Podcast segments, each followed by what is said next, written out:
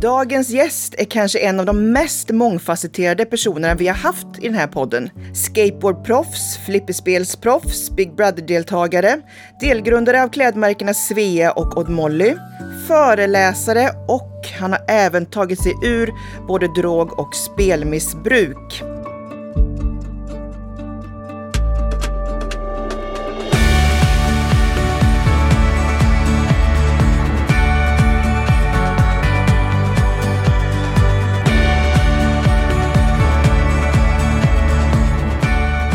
Välkommen till Shoppa Lagom Per Holknekt.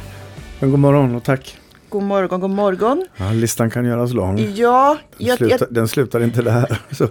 nej, för det, det var lite min eh, nästa fråga här. Om du själv skulle beskriva dig och ditt levande, hur skulle Ja, det låta? Herregud, var ska man börja? Jag brukar, alltså på LinkedIn har jag väl sammanfattat allt under diverse arbetare.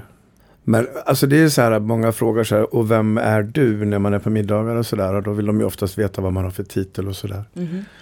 Men det är ju det jag gör, det, Mm. den jag är, det är något helt annat. Mm. Men säger du då, jag är diversarbetare? Ah, men en vanlig grabb från Dalarna som kämpar ovanligt hårt. Ja. Så. När vi pratade om dig som Mm. gäst, det verkar som att du har nio liv. Ja, jag tror det. Och jag tror att dessutom att jag är på det nionde så att jag får vara lite försiktig nu. Ja. ja. Vi ska prata lite om det, men om man ser början på dina nio liv, kanske Mm. första, andra livet, när du var skateboardproffs och så vidare. Ja. Vad ledde det till som gjorde att du har gjort så Ja, men alltså, mycket? livet är ju en lång meandrande resa av små incidenter. Liksom, där man står då, jag är en väldigt gammal människa, när man står vid hög ålder och backtrackar sitt eget liv så förstår man ju liksom lite grann varför det blev som det blev. Och det är väldigt, väldigt små beslut i väldigt små oskyldiga ögonblick som har liksom lett till något annat. Mm. Um, men bara det att jag en gång i tiden valde att tacka ja då när en kompis till mig sa kan inte du köpa hem en skateboard till mig när du åker till USA. Att jag då var väldigt nära att tacka nej för det hade varit jävligt besvärligt att bära på det där fanskapet i alla dessa veckor på resande fot. Men jag tackade ja och det, det förändrade hela mitt liv.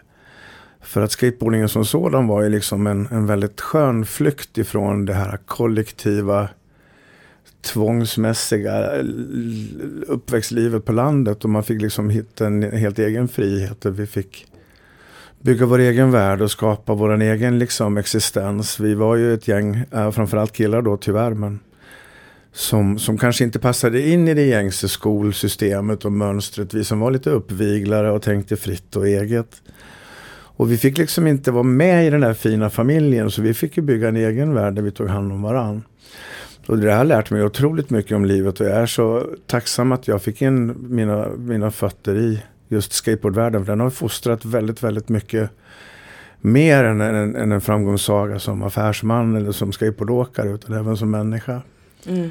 Så det ledde ju till att skateboardingen utvecklades ju ifrån att vara någonting vi inte visste vad det var. Så fick vi hitta på egna trick och döpa tricken och sen över tid så började man bygga en livsstil omkring det här. Och med livsstilen så kom ju både musiken och sen så kom ju streetwear och kläderna och sen så byggde man ut det här och sen så ramlade jag in i kläderna. Sen så tyckte jag att det var spännande och så tog det en ny vändning då när jag ville liksom så här, jag blev bättre att åka skateboard än mina kompisar för att jag använde skydd när jag åkte. Jag vågade mycket mer men jag såg för jävlig ut i mina hockeyskydd. Alltså, det var hockeyskydd. Ja men det fanns inga riktiga grejer Nej. så att jag frågade min kära mor då som bor i himmelen sedan 2008. Uh, vila i frid, kära mor, att eh, hjälpa mig och lära mig att sy.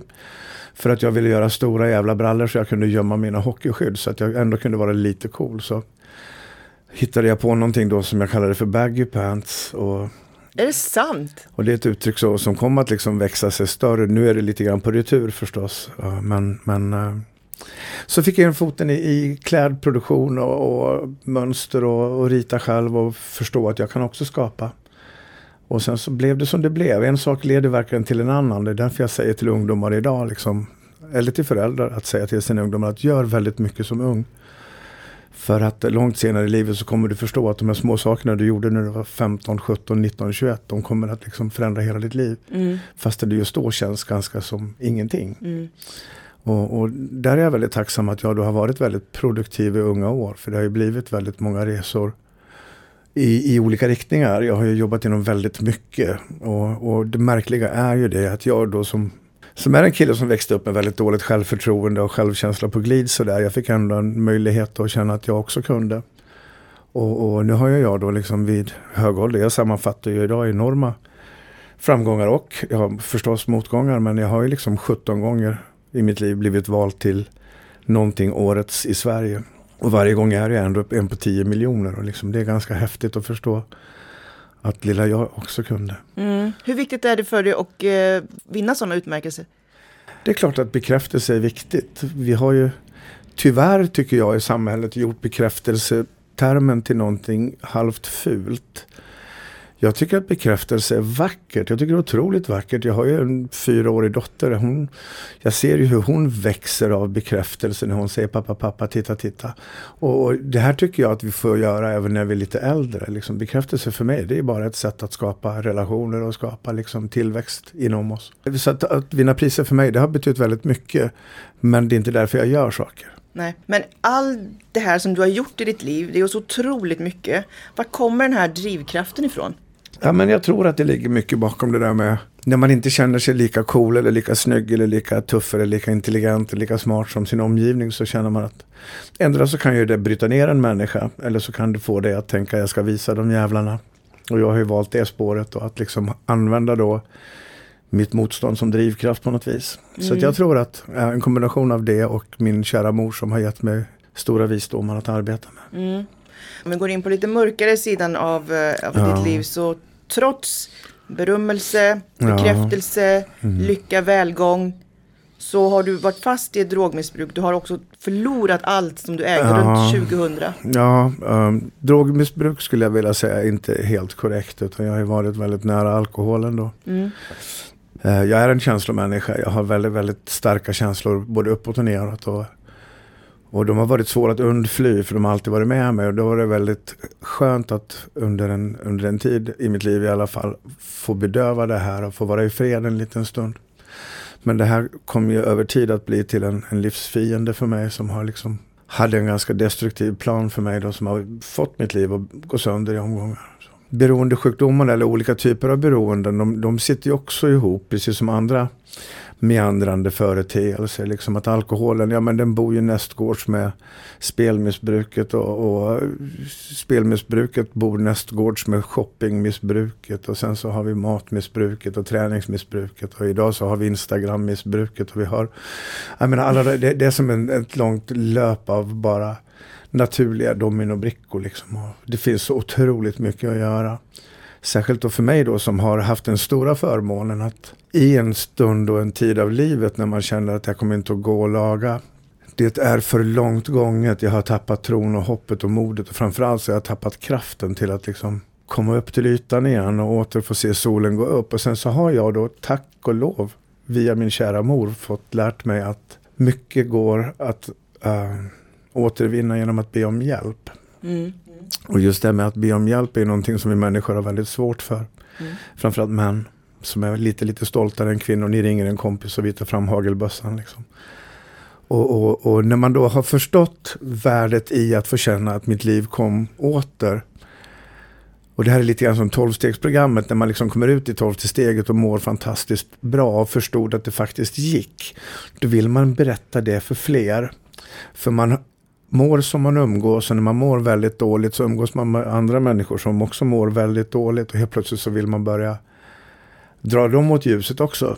Så det har blivit så här, nu när jag är lite äldre så, så är det är det mitt kall. Man kan kalla det, jag brinner inte för någonting men det är mitt kall idag att få behålla min, min livsrikedom just nu. Och det tror jag att jag bara kan göra genom att ge bort det på något vis. Att, ja, men att vägleda andra. Och det, när vi liksom närmar oss och pratar om just det här med shoppingmissbruk eller spelmissbruk. Och det, det är ju saker som liksom lever i det fördolda. Det är ingenting som riktigt kommer upp till ytan för det är liksom allting är relaterat till skam och skuld och så vidare. Och det finns otroligt mycket att göra. Och det, det är det jag jobbar med idag. Från mm. att ha jobbat 35 år inom mode och sen inom möbeldesign och, och allehanda saker så har jag nu helt plötsligt styrt om. Och nu jobbar ju jag liksom för att hjälpa människor som lever i akut skuld. Mm. Om vi backar bandet lite, ja. runt 2000 där. Du hade det väldigt bra privatlivsmässigt sett, affärsmässigt sett. Tills det inte var det längre. Tills det inte var det Ja. längre. Och jag undrar, hur tar man sig upp från en sån situation? För du var ju nära på att bli hemlös. Ja, jag, jag, snarare så kan man väl nästan säga att man är det när man står på knä på Kristinebergs tunnelbanestation och säljer Situation Stockholm. Så Mm. att, eh, eh, frågan är egentligen, det går att backa den längre, frågan är varför hamnar jag där? Ja. Från att bara två år tidigare eller ett år tidigare ha levt i relativ framgång. Med en fin familj, en fin dotter, fint hus, fin bil, båt. eh. Men det, det, jag tror att det är när man tappar ödmjukheten inför livet, när man, när man Många är väldigt dåligt tränade på sin första framgång och när man väl når den så tappar man helt plötsligt det här uh, omvärldsuppfattningen, lyhördheten för andra människors väl och så vidare. Man blir väldigt självcentrerad helt plötsligt. När människor förstår att du är en framgångsrik person så börjar människor att sluta säga emot dig. Människor börjar att underkasta sig dig och du får då helt plötsligt en ofrivillig makt. Och då är liksom ett vägskäl där, där du kan välja att använda den här makten för att få mer eller så använda makten för att göra gott. Och de flesta människor går i den här fällan första gången, att man går in i någon slags självcentrering. Och jag vill ha mer av allt. Och då så började du trampa andra människor på fötterna och det gjorde jag. Och det slutade med att vid vägs ände så bara raserades hela mitt liv på tre veckor. Och det går så fort när det faller och jag hade liksom inte en aning i hela universum om att jag var på väg dit. Men jag hamnade i utanförskap. Jag förlorade uh, hus och hem och fästmö och familj och rätten till mitt barn och min bror och uh, allt. Hur tar man sig upp från det? Ja, vet du vad? Um, med hjälp av medmänniskor. Jag, uh, I något svagt ögonblick så vågade jag be om hjälp. Jag gick till ett socialkontor och sa hej jag heter Per, jag har misslyckats med mitt liv, jag är jättehungrig. Och där började allt. Mm. Och du fick den hjälpen då? Ja, jag fick ju det. Och de här människorna som jobbar då inom kommunala förvaltningar och socialkontor och, och budget och skuldrådgivningar och så, vidare, och så vidare. Det här är ju människor som har otroliga möjligheter till att hjälpa människor som befinner sig i mörker. Och uh, man underskattar deras arbete. De får ta mycket skit. Uh, de är mina hjältinnor och hjältar. Uh, de, de, utan de hade jag inte levt idag. Nej. Det är en otrolig historia för sen så bygger du upp åt Molly. Ja. Och du vinner framgång igen. Ja, igen. För tredje gången tror jag. Min erfarenhet berättar att de människor i, i, där ute som jag möter, alla som har haft det svårt, har en tendens till att vilja göra någonting för andra. Människor som aldrig har fått upplevt att leva eh, under väldigt, väldigt kritiska omständigheter tenderar till att inte riktigt ta notis. Så, och Molly var egentligen en, en, eh, det var inte en affärsverksamhet för mig. Det var, det var ett sätt för mig att skänka kärlek till alla människor som inte känner att de duger, inte får vara med, som känner sig otillräckliga när de går utanför dörren. Och hela varumärket handlade om det, you are perfect only because you are not. Och det visade sig att det var väldigt många som tyckte att det där kändes bra. Och så gick jag ju då från att, att eh, som sagt var sälja Situation Stockholm till att stå på Times Square i New York och se bolagets namn flytta förbi i LED på Nasdaqs lista på sex år. Hur känns det?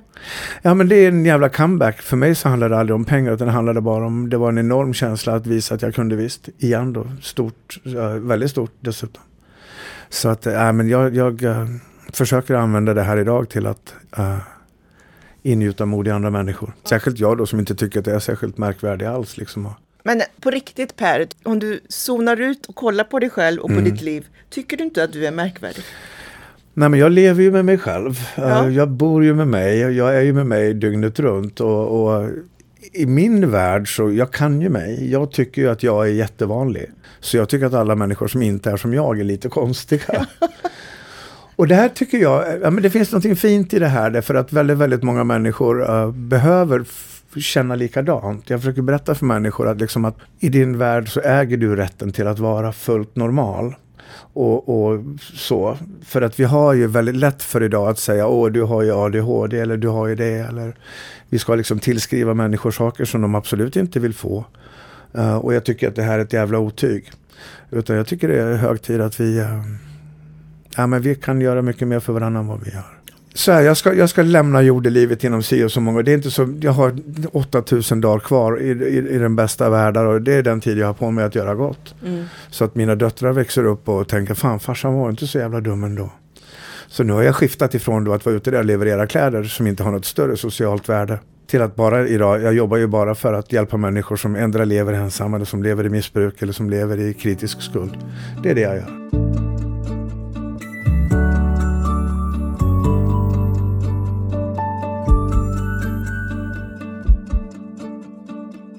Men under den här tiden då, där rikedom har kommit och gått i ditt liv, mm. vad betyder pengar för dig? Jo, det ska jag berätta för dig, att pengar betyder hur mycket som helst, men inte mycket pengar betyder inte väldigt mycket. Men att få leva fri från ekonomisk oro. Jag tror att det här med ekonomisk oro är lite grann av en folksjukdom som vi inte pratar högt om. Människor som inte riktigt klarar av att finansiera klassresan för barnen. Eller, jag menar, vi har ju då, 2008 hade vi 400 000 eh, kritiskt skuldsatta i Sverige. Idag närmar det sig 600 000 människor. Mm. Och har vi då en kritiskt uh, skuldsatt individ så har vi också kanske en make eller en hustru invid. Det kanske finns två barn i familjen så nu pratar vi om miljontals människor i Sverige som har det jävligt svårt.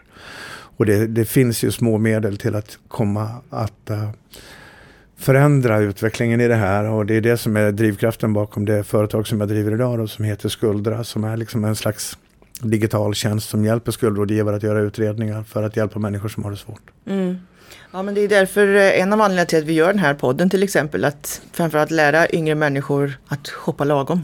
Ja, det, och det är så här att om vi pratar om olika typer av missbruk, pratar vi om alkohol eller droger och så vidare. Du kan ju se på en människa om du har om den är påtänd eller om den är full. Men du kan inte se på människor om den just har köpt två tröjor för mycket. Liksom. Eller sitter och hoppas att Liverpool ska vinna för sina sista 400 spänn. Liksom. Jag har ju spelat bort precis hela mitt liv. Hela min rikedom har ju rykt. Liksom. Och det, det, det gick ifrån liksom att en dag till, se på kontot och nollorna vill aldrig ta slut. Liksom. Det är helt obegripligt mycket pengar. Till uh, att allt var borta. Man sitter på en brygga med ett hagelgevär på Ingarö. Liksom. Vad händer i dig när du tänker på det? Vart ja. mångmiljonär till det? Alltså, jag, jag tror det är min enfald, precis som de flesta pojkar i viss mån, även tjejer, då, att när pengarna kommer i överflöd så kommer jag bli lycklig. Uh, och när pengarna kommer så brukar oftast en uh, massa sidovinster komma då. Att man får någon skönhet vid sin sida. Du får en, en statusbil att visa upp att jag är visst framgångsrik och allt det där. Men Uh, och jag fick otroligt mycket kvinnor och vänner och allt var så må vara. Jag hade jättemycket pengar men det var inte mig de ville vara med. De ville ju vara med min plånbok eller min status. Så uh, jag lärde mig väldigt tidigt att, att uh, nej, lyckan bor inte där. Jag gick nästan in i depression när jag förstod att, att mitt värde i sammanhanget var ganska litet. Mm. Men tror du att det var det som också pushade dig till att missbruka pengarna i princip? Jag tror så här att jag går och pratar med någon som är lite förståndigare än jag, en kvinna som hjälper mig att prata till punkt. Och hon har ju pratat om hela det här att det bottnar väldigt mycket i eh, ja, men just det med självförtroende och det här hela tiden bevisa att jag visste kan. Så att när jag väl har byggt någonting och jag är på toppen så eh, min enda chans att fortsätta visa att jag kan det är att driva och börja om.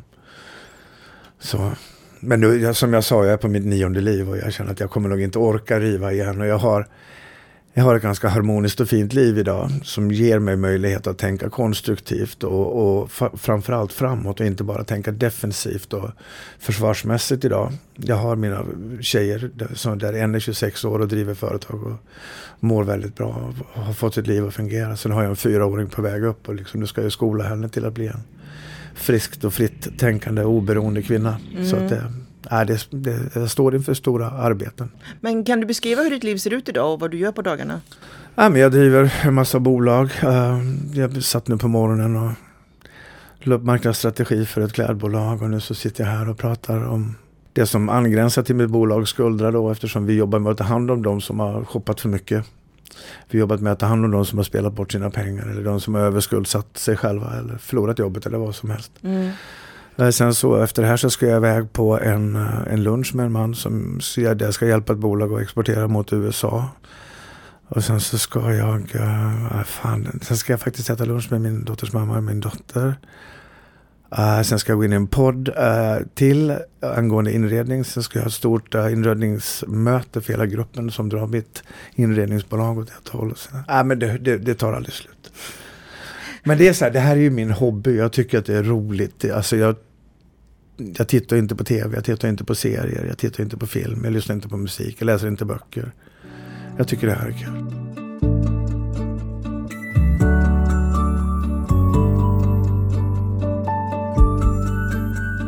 Dina barn. Ja. Vi eh, har ju också ett initiativ som heter Pengapeppen där vi Mm. vill uppmuntra föräldrar att, att liksom lära ut ett sunt ekonomiskt förhållande Ja. till sina barn Ja. och framförallt lära om ekonomiskt värde. ja. Mm. Hur, hur har du pratat med dina barn kring pengar? Absolut, hela tiden. Mm. Ja, det, det är svårt att prata med en fyraåring om pengar. Det kan man väl börja prata om, om ansvar och så delaktighet. Det är, det är viktigt i ett Mm. tidigt skede. Men min dotter som är 26 år, jag menar hon tar studenten som civilekonom Uppsala. Chefredaktör tidningen Reversen eh, på universitetet. Och, tar studenten, får toppjobb och klättrar i karriären på två år, står på toppen av liksom dit en 50-åring i normala fall inte kommer. Sen kommer hon hem en dag och säger till mig, vet du vad pappa, jag ska bli bagare. Är det sant? Ja, nu driver hon ett jätteframgångsrikt bageri här på Regeringsgatan som går hur bra som helst, går som tåget, går fruktansvärt bra. Så att, att, att, att som pappa då få förstå att nu har mitt barn fått vingar, nu klarar hon sig, det är, liksom, det är så jävla stort. Det är så sjukt stort och hennes ekonomisk och moral, vilket, in, vilket är en del i företagandets kostnads och intäktsanalys och du måste ju hela tiden hålla balansräkningen på plats och så vidare. Så att liksom, jag tror att det här med entreprenörskap och lära sig siffror, kredit och debet och hålla ekonomisk balans, det tror jag är eh, en grund i att egentligen börja prata om shopping eller vad som helst, för du kan ju inte spendera mer än vad du har. Nej, men din äldsta dotter då, har du lärt henne företagande, entreprenörskap? Ja, Eller? men det tror jag nog. Men hennes mor är också väldigt driven. Så att eh, vi har nog hjälpts åt där och gett lilla Julia en liksom schysst riktning i alla fall. Men hon har ju tagit tag i saker själv. Hon var ju 15 år när hon kom hem till mig och sa pappa jag vill aldrig mer ha en spänn av dig. Jag ska lära mig, jag klara mig själv. Jag ska liksom bli en independent woman. Ingen man ska äga mig. Jag ska klara det här nu. Och det har hon gjort. Ja, som fan dessutom. Det tog ju tre år av liksom tre jobb vid sidan av franska skolan innan de kom hem en dag och sa nu har jag sparat ihop pengar till insatsen, nu flyttar jag. Och då kände jag, fan, någonting har jag gjort rätt som pappa liksom. Mm. Kanske blir hon sen som lär dig saker. Ja, du, allt, jag, nästan allt jag kan idag har jag lärt av henne. Och eh, den här lilla tjejen som du har, fyraåringen. Men vad, hur tror du du kommer prata med henne om pengar? Nej, men jag vill ju att hon ska klara sig själv. Jag, jag jobbar ju förstås nu för att jag ska liksom skapa någon slags skyddsnät för henne efter mitt frånfälle då.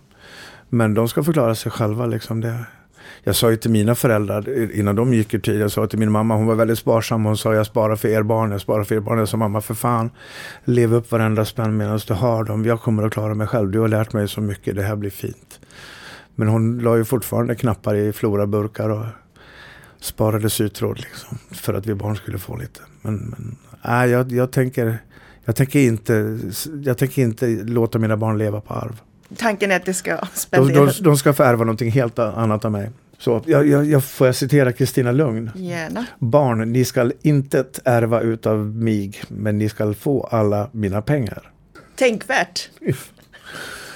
Så, nej, men jag, jag tror så här, om, kan, om mina barn kan ärva en, en, en, en gåva av att, att uh, bygga ett eget liv så är det mer värt än att ärva pengar som man spenderar Mm. och som tar slut. Mm.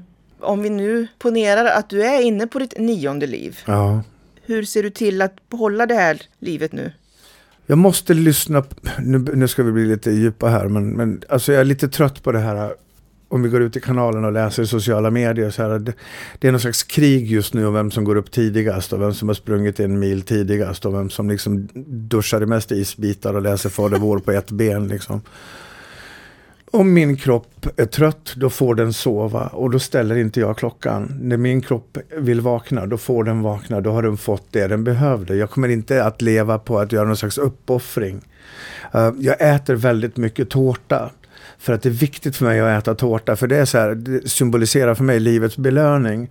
Vi är så jävla hysteriska idag på detta jävla, förlåt mitt språk, utvecklande hela tiden. Att vi liksom knuffande tårtjäveln framför oss tills den dagen vi ligger på någon brits och ska till och dö och då ber om en liten bakelse på livets sista andetag. Sådär. Jag tänker leva här och nu. Jag tänker njuta utav bara helvete medan jag kan, för sen kan jag inte längre. Och, och där skulle jag nästan vilja bara uppmana människor till liksom att fucking lev nu. Så ge kärlek och ät mycket fett. Men, Ja men- men faktiskt, det är fan. Man, man ska ju njuta liksom. Man ska njuta. Ja. Men det finns ju också då en riskgrupp som njuter lite för mycket. När eh, det blir till slut ett missbruk av något slag. Shopping, ätning, träning, ja, you name Ja, it. träningsmissbruket är inte att underskatta. Eh, Eh, jag är sån där, jag lever ju liksom med öppna celler när jag går kring stadens gator och man ser ju de här med en liten någon liten eh, ljudmaskin på ärmen i tight som springer omkring. Blicken är ju sällan frisk, den är ju väldigt hysterisk, den är väldigt manisk. Och, och där känner jag oro. Jag känner så här, fan om det var min dotter, jag skulle ta hem det och ta det i örat liksom. Men vad har du för råd till dem då som Ja. kanske är på... Ja men du är bra nog, du duger gött som du är. Håll inte på att tro att du behöver bli bättre för att duga, för det här är en, en del av hela mitt livsmysterium. Jag vet ju idag att när jag var 15 år, jag var ju bra nog, men jag tyckte det inte. Och jag tycker att liksom det är hög tid att vi får känna att vi duger som vi är. Mm.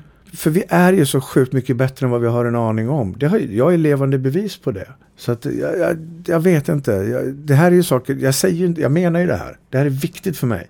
Jag, jag vet inte om det är pappan i mig eller mitt dåliga jävla livsspår som, som gör att det här är så angeläget för mig. Men liksom igen, när jag nu går ut och försöker ta tag i människor som lever i mörker, som har gett upp, som känner det finns inget ljus, det här kommer inte att gå. Det är en halv miljon vuxna människor idag i Sverige. Jag har gett mig fan på att jag ska i alla fall ge dem en strimma av hopp så vi kan göra en plan för att hitta tillbaks till ljuset igen. Mm. Och lyssna människor på mig som till exempel då inkassobolagen eller som skuldrådgivarna där ute som förstår att här finns det någon som faktiskt har en plan, en idé. Ja, då är vi på början på no- mot någonting bättre. Och när jag går ur tiden, ja, jag ska resa en staty över mig själv innan jag dör. För någonting ska jag fan ha för det. Ja, det, det tycker jag. Jag ska skaffa en 3D-printer. Är det något slags program som du erbjuder för personer som sit- sitter i knipa? Eller? Det är ganska enkelt. Det är så här, när en skuldrådgivare ska göra en utredning av en privatperson som sitter i skiten, åker från Bjursås.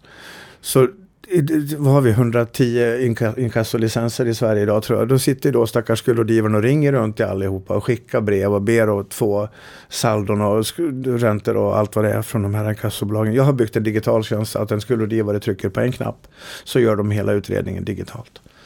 Istället för att hålla på i 6-7 veckor och kosta Ah, jättemycket okej. pengar. Mhm. Och då gäller det bara att vi får inkassobolagen att känna att nej, men här har vi någon som kan göra gott så att de vill vara med och spela.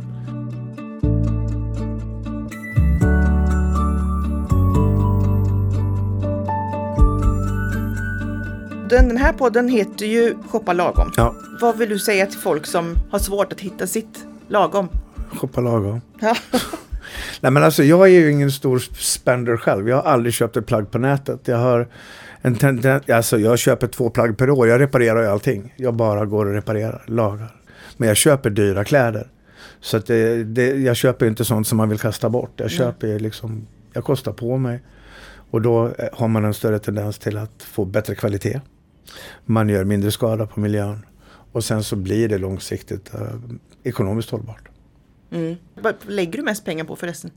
Mat, restaurangbesök, resor, mina barn. Mina behov är ganska små idag. Jag lever ganska isolerat. Jag lever för mig själv. Jag är inte ute om nätterna och springer och sådär. Jag sitter hemma i min lilla smedja och listar ut saker för mina bolagspartners bästa. Mm. Sparar du någonting? Ja, men lite grann sådär. Lite grann. Pandemin har ju varit eh, tärande. Den har varit tuff. 19 månader utan intäkt med höga fasta kostnader. Så. Men nu är föreläsningarna igång. Jag är ute och far. Vad är det du föreläser om? Det beror på min kund. Mm. Jag, jag, eh, Ja, Du har ju eh, du har ett kartotek av ämnen du kan prata om. ja, verkligen. Jag har gjort 1319 föredrag i betald form så här långt i mitt liv. Förra veckan så var jag på ett slott i Danmark för eh, Europas 26 största energibolags ledningsgrupper. Eh, sen blir det Destination Järvsö. På torsdag så är det något eh, svenskt vårdbolag. Och det är helt olika ämnen hela tiden. Ofta är det universitet där jag ska ge ungdomarna den här peppen för framtiden. Jag är ute och pratar med socialt utsatta människor. Försöker få dem att förstå att det går att laga. Eh, jag pratar väldigt mycket om human hållbarhet. Eh, men jag kan gärna prata om Philip Kotler och marknadsteorier hur länge som helst om du vill också. Mm, fyra pena också. Ja, de är sju idag om du vill veta. Ja, precis. Jag behöver uppdateras. Jag gav ut en bok eh, förra året som handlar om precis det. Om fjärde industriella revolutionen. Mm. Vi sitter här idag i en byggnad med massa entreprenörer. Ja, Vad tror du om eh, så att säga, Sveriges entreprenörsanda framåt? jo den är fantastisk. Den är otrolig. Men det tråkiga är ju det här att jag då som eh, relativt offentlig person och antagligen bland annat då känd för att ha startat många företag, 42 så här långt. Uh, och dessutom så har jag då stort genomslag, bland annat, eller framförallt på LinkedIn. Och jag får ju de här breven i privata inkorgen, kanske 20-30 från entreprenörer varje dag. Som kommer med idéer och förslag och idéer och förslag till mig.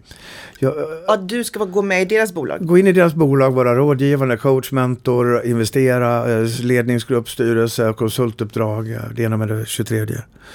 Och det är omöjligt för mig att göra det här. Och då undrar jag, så, varför kommer de till mig? Mm. Vad, vad tror du själv? Nej men därför att det saknas en plats att gå till. För att det som kommer till mig det är en sån guldgruva av människor. Och det är en sån guldgruva av framtida arbetstillfällen och skatteintäkter för Sverige. Och jag kan ju omöjligtvis hålla på och hjälpa alla de här människorna. Utan jag kan ju bara säga lycka till. Jag hinner inte. Jag, hinner, jag har inte sett mig i spegeln på fan tre veckor tror jag. Nej, med ditt schema så ja. Jo, men det är inte viktigt längre. Det var viktigt att se sig i spegeln när man var ung. Men jag tänker på den här världen, startup-världen. Ja. Är ju allt som oftast ganska driven av att göra snabba pengar. Du ska starta ett bolag, mm, få mycket app. investeringar ja. och sen gör du en exit. Och så blir du nya Spotify ja, kanske. Ja. Vad säger du till dem? Vet du vad, det, det är klart att det går men chansen är så förörande liten att du ska lyckas den är så, den är så mikroskopiskt liten att du ska göra din quickback och sen dra. Titta på Spotify, liksom, det kräver uthållighet. Det tog tio år innan Spotify bröt igenom. Det tog åtta år innan, innan iSettle bröt igenom. En, en, en människa med inställning att jag vill göra snabba pengar har ju inte den uthålligheten. Så de kommer ju inte att nå dit. Även om de hade det i sin idé och att det låg där framme. Men har du den inställningen så kommer du aldrig att nå dit tre regler för en ung entreprenör är lär dig att A. Det kostar mer än vad du tror. B. Det drar in mindre pengar än vad du tror. Och framförallt C. Det tar sjukt mycket längre tid än vad du önskar. Mm. Kan du bara med dig, bära med dig de här tre grundingredienserna så har du större förutsättningar att lyckas. Mm. Men är det därför du tror att eh, till exempel Odd Molly och Svea lyckades så himla väl? Att ja, du bland annat. hade tålamod? ja, men det finns en liten hemlig detalj till. Ja, Utbildning. Och har du det som grundval, som grundplåt, som, som stomme att stå på, då kan du ha min flummiga hjärna och ge dig ut på äventyr och alltid landa och bottna i ekonomi. Jag är ju besatt av siffror. Och jag är den konstiga kombinationen av kreativitet och matematiskt sinnad. Den är inte jättevanlig. Nej. Och det har varit väldigt gynnsamt för mig. Men jag är matematiskt sinnad för att jag tränar matematik hela tiden. Jag räknar allting överallt vart jag än går. Alltså, jag kan trapporna på Clarion Sign Hotel, jag kan trapporna från Eriksbergsgatan till Karlavägen. Jag kan liksom pi med 39 decimaler. Jag är bara tokig i siffror. Så att om man hela tiden tänker siffror så blir man bra på siffror. Allt man gör mycket blir man bra på. Uh, så att, uh, utbildning i botten, uh, jobba med den plattformen. Då kan du vara hur jävla galen du vill så blir det bra. Mm. Och plus de tre faktorerna man ska ha ja, i beaktning då. Uthållighet, kostnad och intäkt.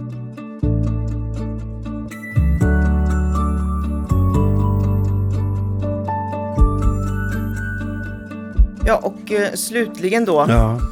Vi pratar om eh, unga personer som idag befinner sig i en kanske knivsekonomisk situation. Har du några tips till dem? Ja, jag, jag, jag, vill inte exkludera de som är lite äldre här. Det här gäller förstås alla som har det lite tufft. Det är lika angeläget för alla. Alla är det samma.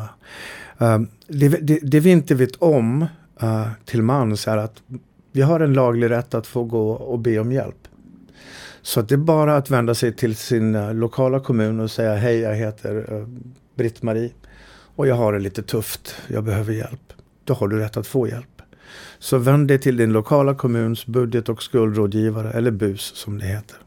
Så kommer du att få hjälp.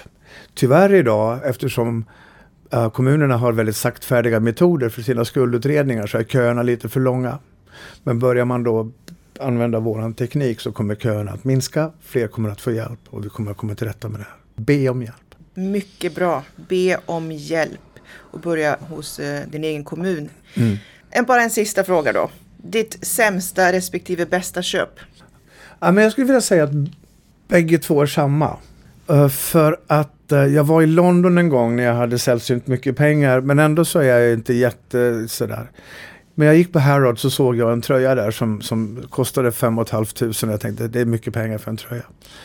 Och jag tittade på den där i två dagar. Sen köper jag då den en minut innan stäng och jag ska flyga hem nästa morgon. Jag är lite nöjd med det här köpet ändå. Det, det, man ska ju tänka lite innan man bestämmer sig. Mm. Man ska inte, det, där, det är lite för lätt att handla på nätet. Um, sen tittar jag på planet hem så ser jag att fan det där priset var ju i pund. så att jag har alltså köpt en tröja som nästan kostar 60 000 kronor. Det var väl ett dåligt köp. Men då har jag tänkt så här förstår du. Att jag, jag tänker ju så här. Man betalar ju av. Använder jag den här tröjan en gång då har det kostat 60 000 spänn att använda den en gång. Men använder jag den 60 000 gånger så kostar det en spänn per gång. Så, så idag så kostar den tröjan sannolikt mindre än vad de flesta plaggen gör i min garderob. För att jag använt den så sjukt jävla mycket för att betala av den. Och den har hållit? Ja, den har hållit och dessutom är den så sjukt snygg så att jag liksom, den har gett mig så mycket trots att jag gjorde ett misstag. Men jag rättade till det lite grann. Fantastisk historia. Och som sagt, eh, Per, Stort tack för att du kom hit och mm -hmm. delade din berättelse och vi önskar dig stort lycka till också ja. med din verksamhet i Skuldra. Ja, tack så jättemycket. Jag, eh, jag är glad att jag fick komma hit. Det var överraskande kul. Och till alla er där ute som lyssnar, kom ihåg, shoppa lagom. För fler tips, råd och verktyg om hur du hittar ditt lagom, besök shoppalagom.se. Shoppa lagom är ett initiativ av Alektum Group.